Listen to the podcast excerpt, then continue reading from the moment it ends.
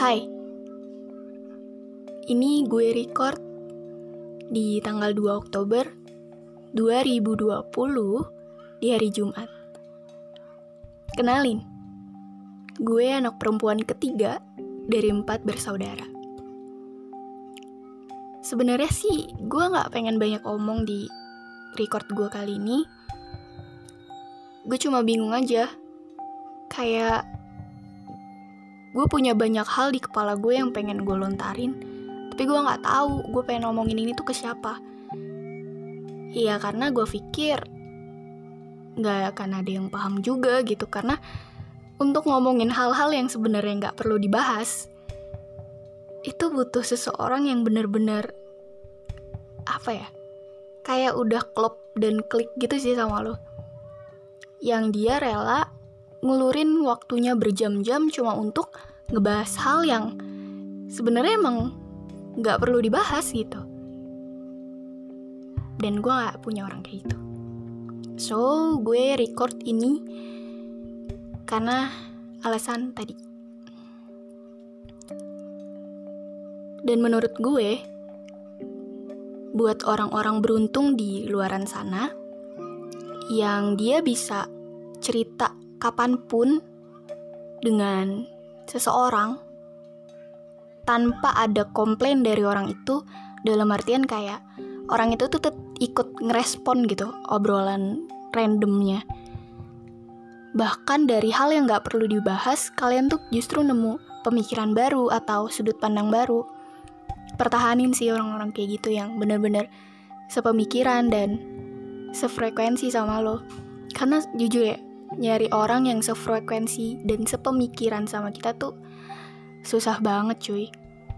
Kayak mungkin kalau misalnya udah ketemu ya ibaratnya lu tuh kayak nemuin berlian yang ada di tumpukan batu batu-batu kerikil gitu kan.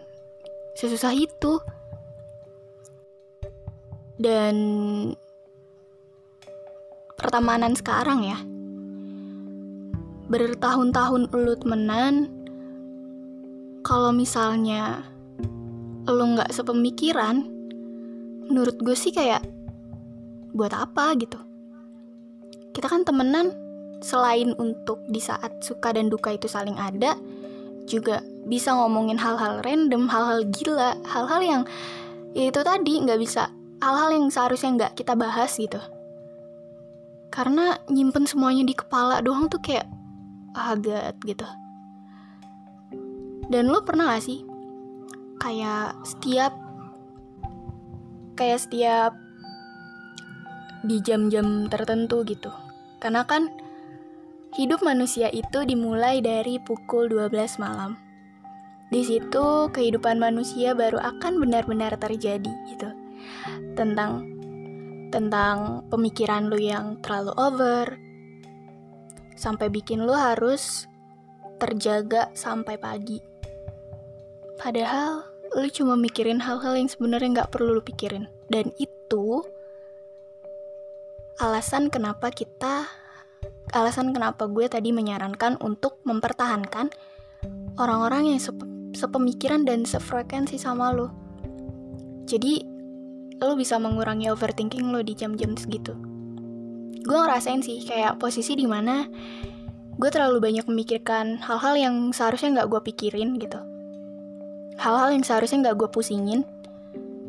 Cuma karena gue nggak punya orang yang mau gitu meluangkan waktunya cuma untuk ngedengerin celotehan gue yang sebenarnya tuh random parah cuy. Kayak gue pernah gue pernah deket sama cowok kan. Gue pernah deket sama cowok dan itu tuh gue nyoba untuk kayak ngebuka diri gue loh kayak ini gue gitu dengan segala pemikiran random dan receh gue gitu. Cuma responnya dia tuh cuman yang kayak Ih, lu apaan sih gitu. Kayak lu apaan sih gitu. Sumpah ya, gue tuh males banget kalau misalnya udah ketemu orang yang gue ngomong kayak gitu kayak kenapa sih lu lu kok gitu banget sih kok lu receh banget sih gitu gila obrolan lu random parah gitu ya karena gimana ya? Makanya sih gue sangat menyarankan sekali untuk mempertahankan orang-orang yang udah sepemikiran sama lo. Karena di luaran sini nggak ada orang yang seberuntung lo sekarang. Gitu. Terus gue juga di record kali ini mau bahas tentang terlalu banyak kata kenapa di hidup gue pertama tentang kenapa banyak perempuan yang memilih untuk sendiri setelah sakit berkali-kali gitu. Ya gue tahu sih trauma atau pilopobia. Pilopobia kan itu kan artinya trauma sama cinta. Cuma menurut gue single parents itu selain hebat, kuat, tangguh, Cuma yang gue takut tuh mereka jadi kehilangan jati diri mereka tau nggak? Apalagi single parentnya ini ibu ya. Ibu yang harus jadi ayah. Karena gue pernah dengar kenapa laki-laki itu jarang yang jadi single parents. Karena laki-laki adalah makhluk yang paling tidak bisa kesepian. Segitu hebatnya kan perempuan. Cuma gue tuh kadang suka mikir ya kayak kenapa masih banyak perempuan yang disakitin gitu? Sebenarnya tuh apa sih yang salah? Komunikasinya kah? Atau pola pikir si perempuannya? Atau perilaku laki-lakinya? Ya gue di sini nggak pure menyalahkan laki-laki ya karena ya emang yang dari sebagian cerita gue temuin juga banyak perempuan-perempuan yang bangsat gitu. Perempuan-perempuan yang emang lu salah. Dalam hal dibenarkan kayak gimana juga ya lo salah gitu. Dan kayak kasus perselingkuhan itu ya jujur bukan cuma laki-laki tapi perempuan juga. Cuma gue pernah baca kalau laki-laki itu uh, selingkuh ini kalau misalnya ada yang maksudnya gimana ya gue agak lupa-lupa inget gitu sih kata-katanya jadi kalau salah mohon maaf ya Intinya tuh kalau laki-laki selingkuh itu karena paras. Sedangkan kalau perempuan itu selingkuh karena dia tuh kesepian karena kayak kurang waktu gitu loh dari pasangannya. Terus yang kedua tentang kenapa hmm, banyak orang-orang baik yang udah ada di lingkup yang baik, tapi justru dia tuh pengen nyobain jadi jahat gitu jadi kacau dan jadi brengsek. Beberapa temen gue ada sih yang kayak gitu. Katanya sih hidup flat itu nggak enak. Jujur kalau gue udah pernah ngerasain dari flat selama beberapa tahun dan kacau parah. Terus sekarang gue lagi nyoba untuk kayak ya udahlah ya gitu. Ngejalanin yang kayak gitu. Kayak ya ya lu kalau mau jadi temen gue ayo gitu. Kalau lu mau musuhin gue atau nggak mau jadi temen gue ya udah silahkan pilihan lo gitu. Cuma menurut gue ya kalau jadi kacau itu ada plus minusnya kaconya kalau kaconya udah parah banget uh, minusnya ya buat diri lo sendiri, buat keluarga lo gitu kan. Pasti keluarga lo kayak kecewa parah. Tapi kan plusnya jadi punya banyak temen, jadi tahu pengalaman hidup. Karena yang gue uh, perhatiin ya, orang-orang yang pernah punya masalah masa lalu yang kelam, dia tuh yang paling bisa survive sama hidup. Sumpah, kayak nggak nggak ngenyek gitu loh. Nggak apa ya? Nggak gampang ngeluh. Lebih easy going gitu.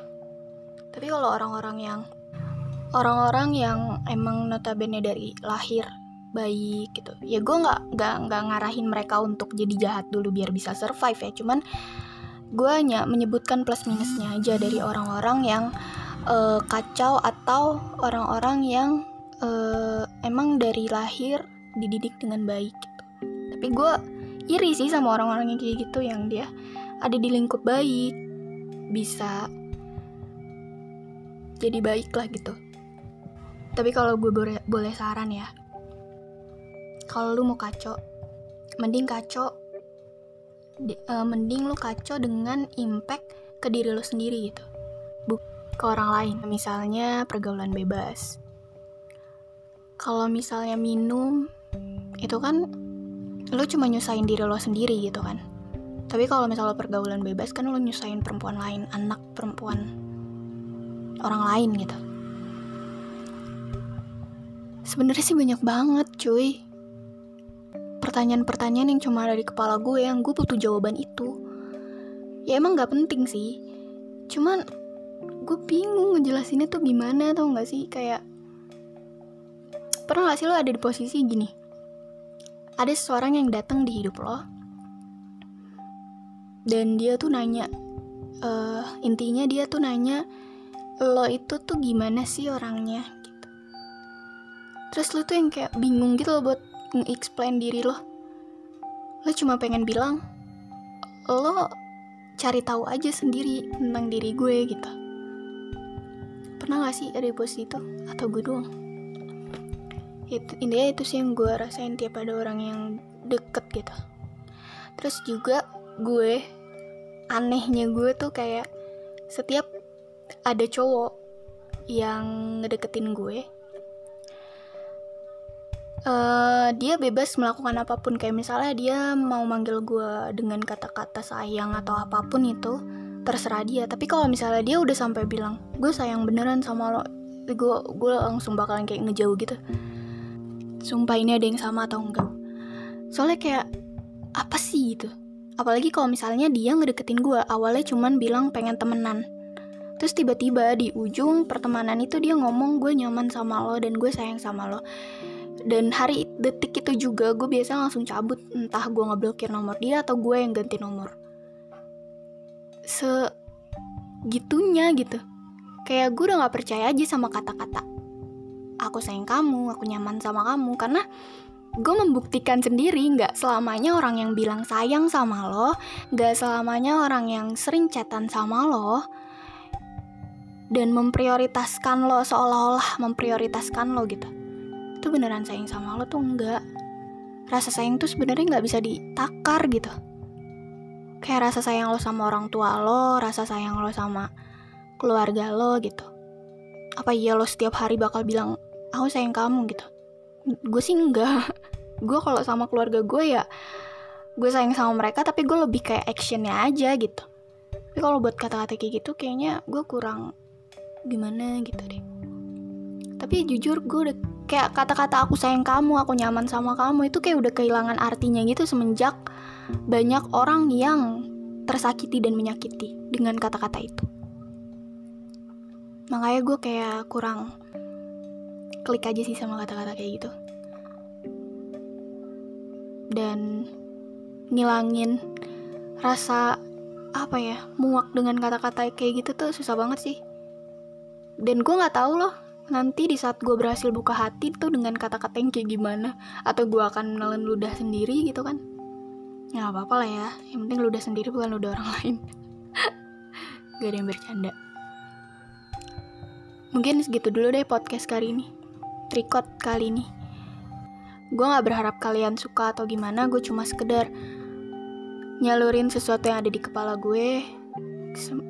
Dan gue juga gak tahu ini bermanfaat atau enggak tapi Makasih kalau buat kalian yang udah mau dengerin sampai akhir.